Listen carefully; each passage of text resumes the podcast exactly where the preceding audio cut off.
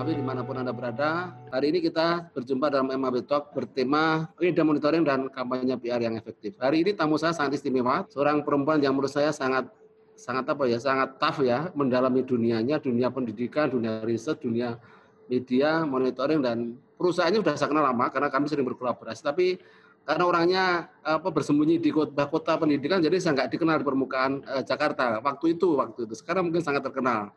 Inilah kita sambut dengan hangat Mbak Im atau Mbak Nur Imratus. Halo Mas Wika, Mas Jan. Ya, sahabat MAW, inilah Mbak Im, Mbak Nur Imratus. Beliau adalah manajer research dan training dari Indonesia Indikator. Dia ternyata ditugasi mengurusi indikator seluruh Indonesia, kecuali Jakarta katanya. Dan kantornya kalau ada di Jakarta. Hai Mbak, sekali lagi salam sehat ya. Kita memang hari ini akan bicara soal apa pentingnya media monitoring, apa itu media monitoring, dan apa manfaatnya bagi kampanye PR. Nah, omong-omong, by the way, sahabat Imawi di mana berada, kita akan ulik dulu sekilas tentang apa itu media monitoring sebelum kita masuk ke dalam, masuk yang ke lebih tajam lagi. Mengapa harus ada media monitoring bagi bagi kerja uh, bagi apa bagi kampanye sebuah PR? Nah, saya akan akan ngomong akan nanya yang simpel-simpel dulu. Apa sih itu media monitoring itu hanya memelototi media saja Terus kalau dipelototi tapi dipelototin apa sebenarnya? Berita-berita yang serem-serem atau berita hoax atau berita-berita hiburan kayak misalnya ada hiburan drama Korea atau apa atau kayak apa ya? Apa sih? Ini pertanyaan yang yang yang ringan-ringan aja dulu. Silakan Mbak Im, monggo. Eh, uh, terima kasih Mas Wikan atas kesempatannya. Oke teman-teman, uh, saya cuma sharing ya. Saya pikir apa pengalaman kami di di dunia media monitoring itu bisa untuk sharing bareng-bareng. Saya pikir teman-teman juga sudah banyak yang berpengalaman dan mungkin ya. expert juga di bidang uh, eh, PR yang ya. otomatis juga sebenarnya persinggungan dengan media itu menjadi hal yang sudah hari-hari gitu. Nah, secara khusus kemarin Mas Wikan ngomong tentang media monitoring. Kalau saya gampang-gampangan kalau media monitoring kan pakai bahasa Indonesia, eh pakai bahasa Inggris ya. Kalau kita ngomong bahasa Indonesia-nya itu kan pemantauan media. Nah, jadi kita ngomong pemantauan media itu ada dua kata besar di situ ada media dan ada pemantau gitu. Jadi ya. jadi karena ada dua hal yang penting ini maka sebenarnya kita cukup memahami dua hal ini. Jadi kalau kita ngomong medianya, kita berarti sedang bicara tentang dunia pers atau dunia jurnalistik atau dunia dunia netizen gitu ya atau dunia yang eh, kalau kita sebut ada ada dunia di luar nyata atau fakta media dan fakta bukan media kayak gitu. Kita beda biasanya bedainnya ini ada fakta media dan fakta bukan media. Nah karena dia karena dia berada di media maka ada tiga hal besar yang kemudian menjadi suka menjadi apa curious gitu ya uh, siapa pun yang ber, yang menjadikan ini sebagai bahan yaitu pertama kaitannya dengan si peristiwanya itu sendiri terus kemudian atau fakta atau data atau apa pun ya yang itu terus kedua kaitannya dengan framingnya gitu. Apa sih yang terframe dari si si tersaji di media itu? Terus yang ketiga pasti isunya. Kalau sudah terframing ini akan membawa sebuah isu apa? Nah di tiga layer itulah kemudian media itu menjadi sangat menarik uh, untuk dipantau. Nah, ketika ngomong pemantau, siapa yang memantau, maka kita ngomong tentang seseorang atau kelompok atau institusi atau organisasi atau kepentingan yang ingin memantau, ya gitu kan. Nah, karena ingin memantau, pertanyaannya apa sih yang biasanya orang ingin memantau?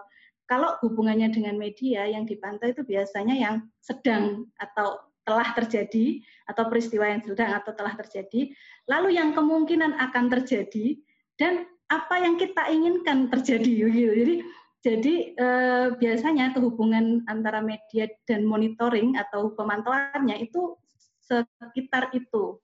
Itu Mas. Jadi eh, itulah sebabnya eh, media monitoring ini kemudian bisa dimanfaatkan oleh banyak kepentingan, nggak cuma PR terutama, tapi juga bisa keamanan, security, ahli-ahli ekonomi juga menggunakannya, terus kemudian orang-orang yang bergelut dengan riset tentu saja, terus atau misalnya uh, yang kami juga pernah juga dapat klien yang memang khusus kaitannya dengan uh, semacam intelijen ya gitu ingin mengetahui kemungkinan uh, apa saja yang akan terjadi ke depannya begitu. Nah, se se seperti itu mungkin gambaran awalnya Mas tentang ya. media ya. monitoring secara simpel ya. Ya, oke. Okay. Begitu. Uh, sahabat MAW di mana pun Anda berada, Anda masih bersama MAW Talk episode 19 bersama Nur Imatus atau dipanggil nama pendek dan nama kesannya adalah IM. Beliau adalah manajer dan manajemen dan riset dari PT Indonesia Indikator. Kita kali ini sahabat Emawi di mana-mana berada, kita bicara tentang media monitoring dan kampanye biaya yang efektif. Tadi Im sudah bicara soal bahwa media monitoring konsumsinya bukan hanya untuk teman-teman praktisi komunikasi atau PR, tapi juga kalau kita sekarang lagi musim pilkada, mungkin juga dipakai oleh para kandidat kan begitu ya. Oke, kita nggak akan ngomong itu, kita akan fokus ke ngomong soal PR. Bahkan intelijen juga bisa dipakai kan. Nah, oke Im, jadi ada nggak kualifikasi media tertentu yang harus dimonitor. Apakah seluruh media itu layak dimonitor? Ini pandangan umum IIM saja. Apakah ada salah satu khusus sebuah merek media atau uh, jenis media itu perlu dimonitor. Kalau melihat dari pengertian dasar atau awal tentang media monitoring atau apa yang dimonitor tadi, ada nggak kualifikasi khusus kepada media-media itu yang harus dimonitor. Jadi kenapa orang kemudian sebenarnya sangat interest gitu ya dengan eh, media gitu? Karena di dalamnya itu sebenarnya media itu kan secara filosofisnya, filosofis dalam artian kok kenapa sih di dunia ini harus ada media gitu misalnya? Kenapa kok muncul media menjadi bagian dari kita? Sebenarnya disebabkan karena dalam percakapan sehari-hari dalam kita di masyarakat itu, kita itu sering kali membutuhkan semacam medium untuk mempersatukan beberapa hal yang terkait dengan opini di masyarakat kayak gitu. Nah, makanya yang namanya media itu hampir tidak mungkin lepas dari namanya yang urusan publik dan kepublikan. Karena di situlah memang ruhnya gitu. Maksudnya eh, media itu ada secara filosofis ya. Ini kalau kalau kita lihat ke belakang gitu. Ada ada pun sekarang media mungkin banyak disalahgunakan dan sebagainya itu hal yang lain. Tapi dia nature-nya atau kodratnya gitu ya dia itu ngomong tentang publik dan kepublikan. Nah, siapa pun yang bergelut dengan media dan kemudian ingin memonitornya pasti punya interest dengan urusan publik dan kepublikan. Nah, kayak gini. Nah, sehingga kenapa kemudian apa kita pertanyaannya Mas Wika tadi terus apa spesifikasi media? Karena media selalu terkait dengan publik dan kepublikan, maka hanya media yang dia dikonsumsi oleh publik dan kepublikan yang kemudian menjadi harus kita pantau. Pertanyaannya kan kita mungkin sekarang suka mendengar ada apakah itu media abal-abal atau media kredibel uh, atau enggak kredibel. Sepanjang dia menjadi konsumsi publik dan kepublikan, maka dia akan menjadi perhatian uh, uh, monitoring atau di, atau dipantau. Itulah sebabnya kadang-kadang uh, saya mungkin agak misalnya waktu itu kemarin Mas Fikan oh, mungkin uh, ini dia kredibel nggak medianya itu itu oke okay ketika kita berhadapan dengan lembaga yang membutuhkan kredibilitas sebuah media. Tapi kalau dia misalnya berada dalam sebuah situasi di mana media itu memainkan peran mempengaruhi publik, event itu abal-abal, maka kita harus memantaunya. Kayak gitu. Karena kalau enggak, karena dia mempengaruhi. Misalnya sekarang, kalau ditanya misalnya masyarakat itu paling banyak mengkonsumsi media apa, misal gitu. Ternyata 10 besarnya ada yang ada yang mainstream misalnya Kompas, Detik, Tirto gitu. Tapi ternyata terus di bawahnya ada nyempil gitu misalnya. Misal gitu apa gitu misalnya. Oh, misalnya itu nah, itu tuh ya ya bagaimanapun itu perlu dipantau meskipun dia mungkin secara uh, kepersan atau uh, apa ya namanya sebagai sebuah institusi media mungkin dia punya permasalahan sangat substansial tentang profesionalisme tapi apa pun itu uh, kita tidak bisa melihatnya seperti yang oh dia kredibel. Sejauh dia mempengaruhi dan terlibat dengan publik maka media tersebut menjadi penting untuk dipantau. Itu sih prinsipnya mas kalau media monitoring. Nah ini kan selalu nah karena media monitoring itu selalu relate pada siapa yang memonitor maka di situlah seleksi terjadi. Misalnya kalau saya kalau saya misalnya uh, pemerintah daerah gitu ya misalnya uh, klien pemerintah daerah.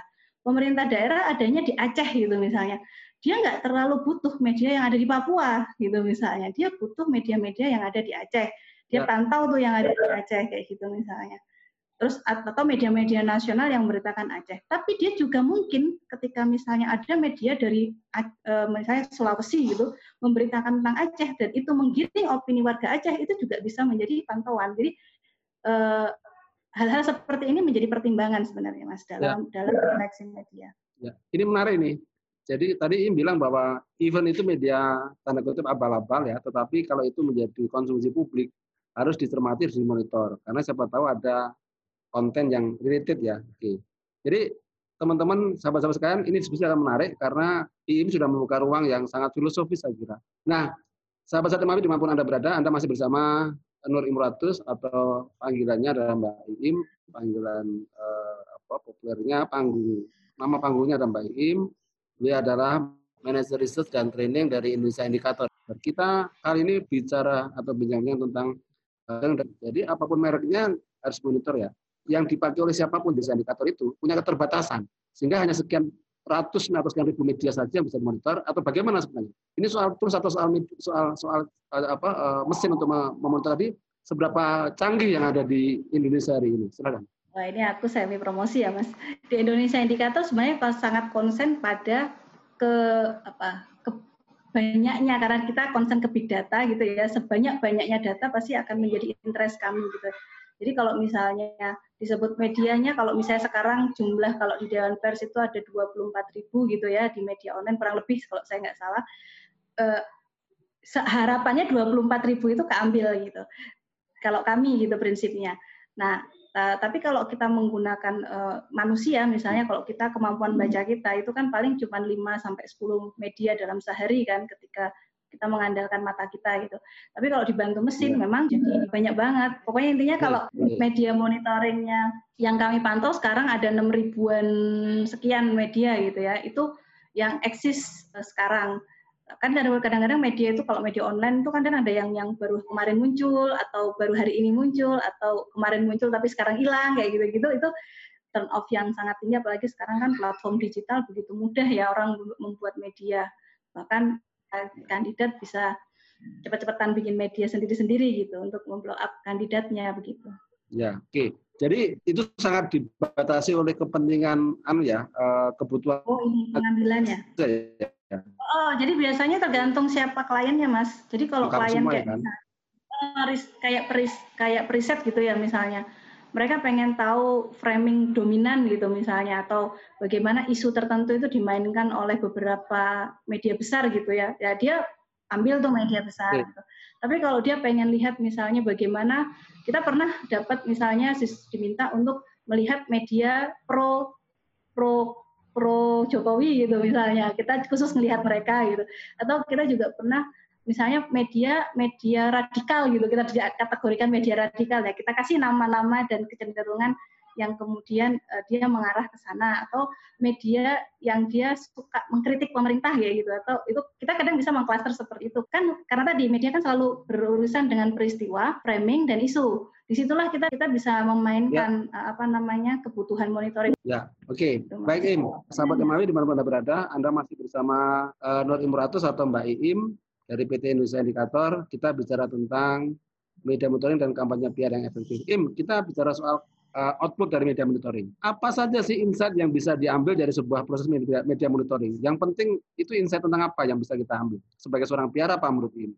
Silakan. Karena kalau media itu sebenarnya kita kalau kita lihat data media, media itu oke okay, kita ngomong media online ya misalnya, ya. Eh, ada media sosial misalnya atau media web atau yang lain. Tapi kalau kita ngomong media online misalnya, di media online itu dia kan bekerja berdasarkan aturan main media. Di situ minimal kita punya 5W 1H. Ada soal apa, siapa, mengapa, kapan, dan e, bagaimana misalnya dari kata apa kita bisa mengkolek sebenarnya apa saja yang terjadi. Jadi di dalam dunia media monitoring kita bisa bahkan uh, kalau kita rajin memonitoring ya atau daily monitoring kita bisa tahu perkembangan apa itu gitu dalam dalam berbagai uh, rentang kayak gitu. Nah, when gitu misalnya kapan gitu. Itu juga kita bisa tahu momentum-momentum terus kemudian range lamanya sebuah isu berkembang dan sebagainya. Terus ketika kita ngomong who misalnya, siapa sih aktor atau statement-statement siapa sih yang banyak menginfluence sebuah isu uh, dan siapa yang kontra dan dan yang nggak kontra kayak gitu. Terus bagaimana misalnya bagaimana itu disajikan pendapat-pendapat itu, itu juga uh, uh, minimal itu mas. Kalau di media sosial kita juga juga ini bisa melihat kalau misalnya di situ ada like kayak gitu ya. Like itu bisa menjadi indikator tersendiri. Apa sih kenapa kita harus mencari like misalnya? Like itu merepresentasikan apa? Share misalnya kita oh berarti misalnya kita ngomong bahwa sebuah keberhasilan dari sebuah isu itu ketika dia di share misalnya maka kita akan concern pada share shareability sebuah isu misal itu. Atau kayak misalnya yang banyak dilakukan oleh teman-teman yang pakai SNA gitu atau social network analysis gitu mereka mencoba mengklaster aktor dalam permainan media sosial ketika dalam sebuah isu yang booming misalnya RUU kemarin yang apa cipta kerja misalnya Bebas, siapa sih bebas, ya. oh, yang omnibus gitu. Kita lihat, bisa lihat tuh siapa sih dalam dalam Twitter yang kemudian rame berkomentar tentang ini dan mereka itu berafiliasi dengan siapa, terus kemudian mereka terhubung dengan siapa, kayak gitu-gitu itu bisa dilakukan dengan alat sebenarnya. Nah, tapi kita juga apakah kemudian manual nggak bisa bisa juga kalau kita rajin sebenarnya banyak teman-teman peneliti rajin mengumpulkan secara manual gitu. Tapi ya itu kemeng ya mas Dosa nih. Ya, capek lah. Iya. pakai alat jadi agak kerja-kerja yang begitu cepat gitu jadinya. Itu.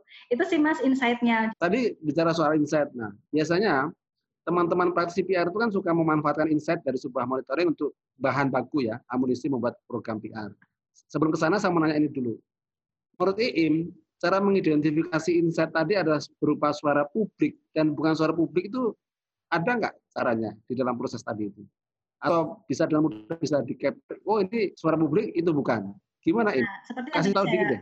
Tadi saya cerita soal uh, kodratnya media. Media itu terhubung dengan publik itu dengan modelnya mempengaruhi dan dipengaruhi gitu. Jadi hubungannya media dan ya. publik itu mempengaruhi dan dipengaruhi. Sehingga ya. apa pun yang ada di media itu potensi mempengaruhi, apa pun yang ada di publik potensi mempengaruhi juga media. Jadi hubungan ini sebenarnya hubungan yang harus kita perhatikan ketika membuat media monitoring. Jadi misalnya contoh gini, ketika saya hari ini misalnya melihat pilkada rame eh, pelanggaran misalnya ada pelanggaran ada gitu di, di media itu peristiwanya. Publik mungkin nggak ada ini, tapi ketika itu menjadi dibaca banyak orang, otomatis peng, publik ini menjadi menjadi concern dengan hal itu gitu, menjadi concern dan kemudian ini menjadi bahan untuk menjadi apa uh, tembakan lain gitu ya ke, ke, ke entah itu pemerintah ataupun misalnya uh, si kandidat yang terkait kayak gitu untuk entah memaki-maki, entah mengkritik, entah berkomentar, entah apa pun. Nah, uh, di situlah kemudian hubungannya hubungannya Mas. Jadi memang mana dulu mana dulu nih ada yang di media dulu apa yang di publik dulu gitu. Itu bareng biasanya Mas kita lihatnya. Nah, yang gampang misalnya memang kalau itu terjadinya di medsos. Kalau di medsos kan enak tuh, kita bisa ya. lihat komen, status kayak gitu atau postingan itu memang murni suara publik dalam artian netizen, ya. netizen ya, netizen itu kita bisa lihat di situ. Tapi kalau kalau misalnya kita lihatnya eh, di media online itu biasanya hampir isu-isu yang itu bertahan lama di dalam sebuah uh, diskursus kita atau atau uh, apa wacana ya gitu misalnya omnibus law bisa sampai dua minggu lebih gitu ya atau bahkan berbulan atau beberapa bulan gitu itu biasanya concern publiknya juga tinggi begitu.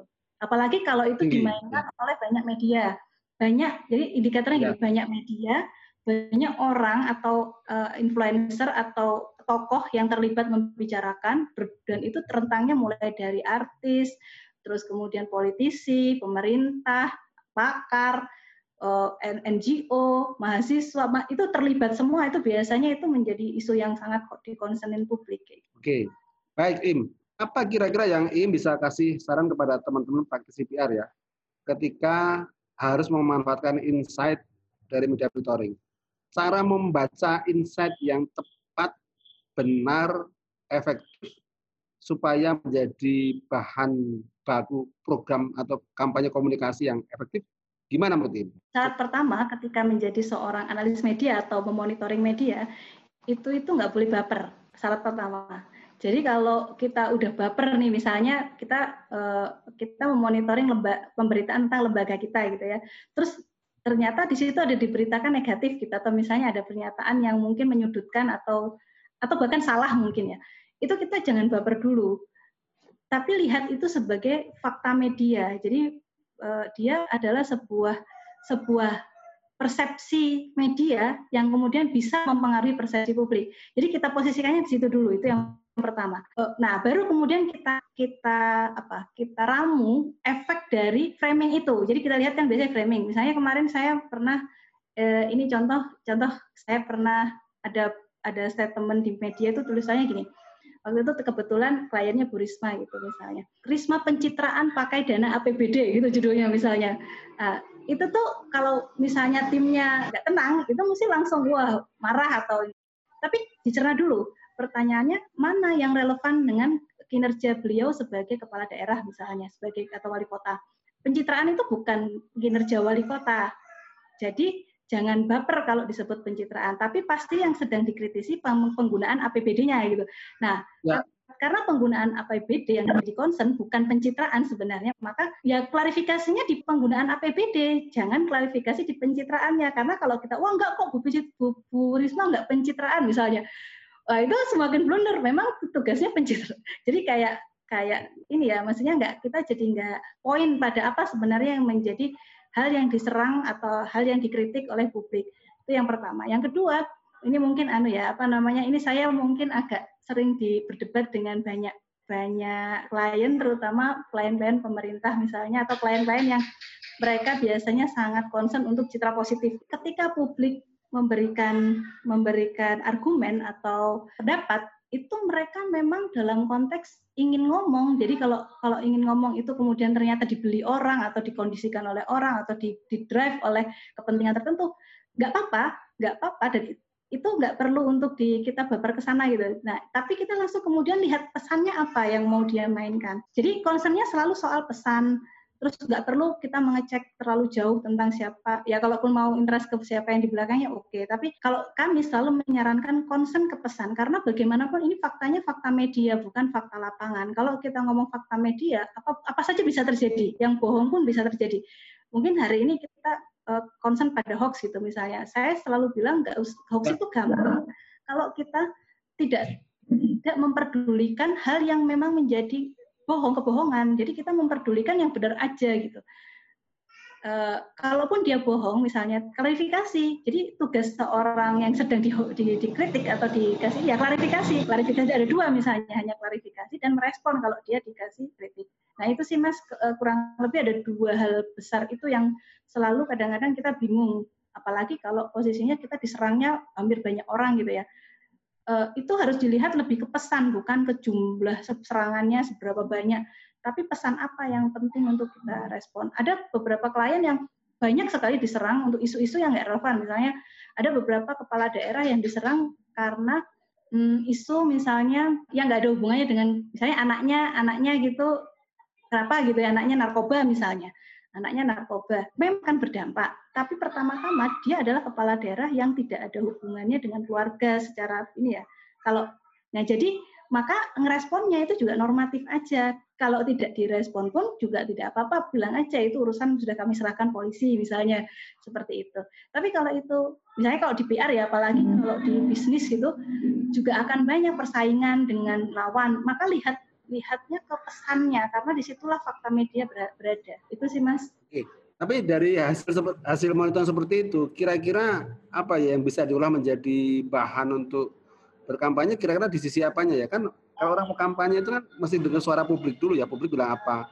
Misalnya bilang bahwa oh merek anda itu misalnya kurang A, B, C. Nah mungkin yang kayak gini-gini bisa nggak dipakai untuk uh, bahan bakar dari teman-teman untuk memperbaiki konsep kampanye komunikasinya sehingga ketika dikomunikasikan kembali atau ulang maka persepsi publik yang ditangkap oleh monitor media menjadi lebih baik. Menurut ini gimana? Tadi saya bilang so soal pemantauan itu kurang lebih interestnya ada tiga. Melihat apa yang sedang atau yang telah, melihat apa yang akan dan apa yang ingin gitu ya. Jadi kalau misalnya tadi Mas Mas Wikan nanya apa sih sebenarnya yang perlu kita lakukan untuk melihat uh, ekspresi publik di media? Kita bisa mengelolanya menjadi tiga dalam pilar strategi ya, dalam level perencanaan, dalam level pelaksanaan, dan level evaluasi.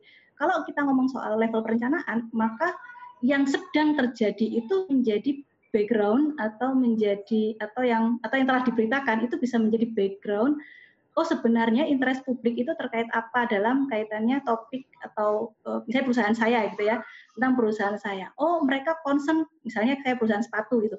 Mereka concern ke model, mereka concern ke bentuk atau mereka concern ke warna atau mereka concern ke ke kenyamanan dan sebagainya. Nah itu akan menjadi menjadi uh, poin kayak gitu. Lalu kemudian bagaimana rencana itu kemudian ingin drive ke depannya. Misalnya setelah kita tahu interest publik itu, lalu kita mau apa? kita mau apain kayak gitu. Oh, saya mau ini menjadi produk baru misalnya. Maka produk baru ini kurang lebih mengambil unsur ini dan ditambah apa? Nah, ditambah misalnya harga murah gitu. Yang itu belum ada di opini publik. Maka ya. harga murah ini harus di harus dikemas dalam pelaksanaannya menjadi hal yang akan dibicarakan publik lagi. Jadi itu akan kelihatan di media monitoring. Jadi kalau kita sudah ternyata uh, kok di dalam prakteknya ternyata nggak ada omongan tentang harga murah, berarti kita gagal melakukan media monitoring sebagai landasan ini. Nah, termasuk evaluasinya setelah tadi kegagalan itu bisa dilihat, oh berapa ya yang sudah kampanye kita yang sudah kita lakukan yang yang kemudian mempengaruhi pembicaraan publik itu nggak nggak nggak nggak nggak maksimal gitu misalnya. Sama kemarin saya juga waktu Ganjar misalnya mendengarkan hasil report evaluasi kami gitu, mereka kan kalau di pemerintah daerah itu kan punya namanya rencana jangka uh, atau rencana pembangunan jangka menengah gitu ya, yang itu konsepnya lima tahunan. RPJMD itu biasanya menjadi uh, landasan uh, mereka untuk membangun opininya. Misalnya misalnya ada lima sektor prioritas, ada pertanian, kesehatan, pariwisata, pendidikan, dan uh, infrastruktur misalnya. Ini kalau tidak terbicarakan di publik, kita sebut komunikasi publiknya tidak relevan atau melenceng dari RPJMD atau RPJMD berbasis komunikasi publik atau dengan itu nggak nggak tercapai makanya kami suka memberikan insight gitu ya e, Pak ini sektor prioritasnya ada yang nggak masuk 10 besar loh tapi malah justru masuk tiga besar ke bawah misalnya pertanian ini harusnya masuk sektor prioritas tapi tidak banyak diomong di media artinya Bapak harus mulai untuk menggenjot isu pertanian menjadi narasi komunikasi publik pemerintah di ke depannya. Seperti itu misalnya, Mas. Ya, thank you, Im. Sahabat MAW, di mana pun Anda berada, Anda sudah ada di ujung agenda kita di MAW Talk bersama Nur Imratus atau IIM dari PT Indonesia Indikator. Kita bisa tentang media monitoring dan kampanye PR yang efektif. IIM, merangkum semua yang sudah kita diskusikan, menurut IIM, apa tiga hal aja, tiga hal yang patut dipahami kawan-kawan ketika harus melakukan media monitoring. Silakan Im. Pertama, media monitoring itu akan memudahkan uh, identifikasi isu. Jadi okay. kalau kita menggunakan media monitoring, maka kita cepat melakukan itu. Karena cepat, maka kita harus tahu prioritas apa yang kita respon dari sebuah isu. Baik itu isu yang sifatnya positif, atau isu yang biasa aja, atau netral, atau yang negatif, kayak gitu. Itu bisa dikelola. Nah, yang ketiga, kalau bahasa saya selalu jangan baper gitu ya dengan itu karena itu fakta media. Jangan fakta media dikontraskan dengan fakta lapangan. Kalau misalnya fakta lapangan itu mau diangkat kebenarannya melalui media, maka dia harus disajikan dalam bentuk data media juga. Jadi nggak bisa kita mengcounter by language gitu ya, cuma ngomong-ngomong aja gitu. Wah nggak bener nih medianya gitu misalnya, nggak bisa. Tapi lakukan klarifikasi di media pula gitu sehingga ada narasi counter kayak gitu. Itu sih mas ya. Eh, pemanfaatan ya. media monitoring tidak itu. Baik, eh, sahabat MAW di mana-mana berada, luar biasa Im, makasih banyak atas sharing ini bersama sahabat-sahabat MAW. Sampai jumpa teman-teman, sampai ketemu di MAW Talk episode berikutnya. Sehat selalu, salam.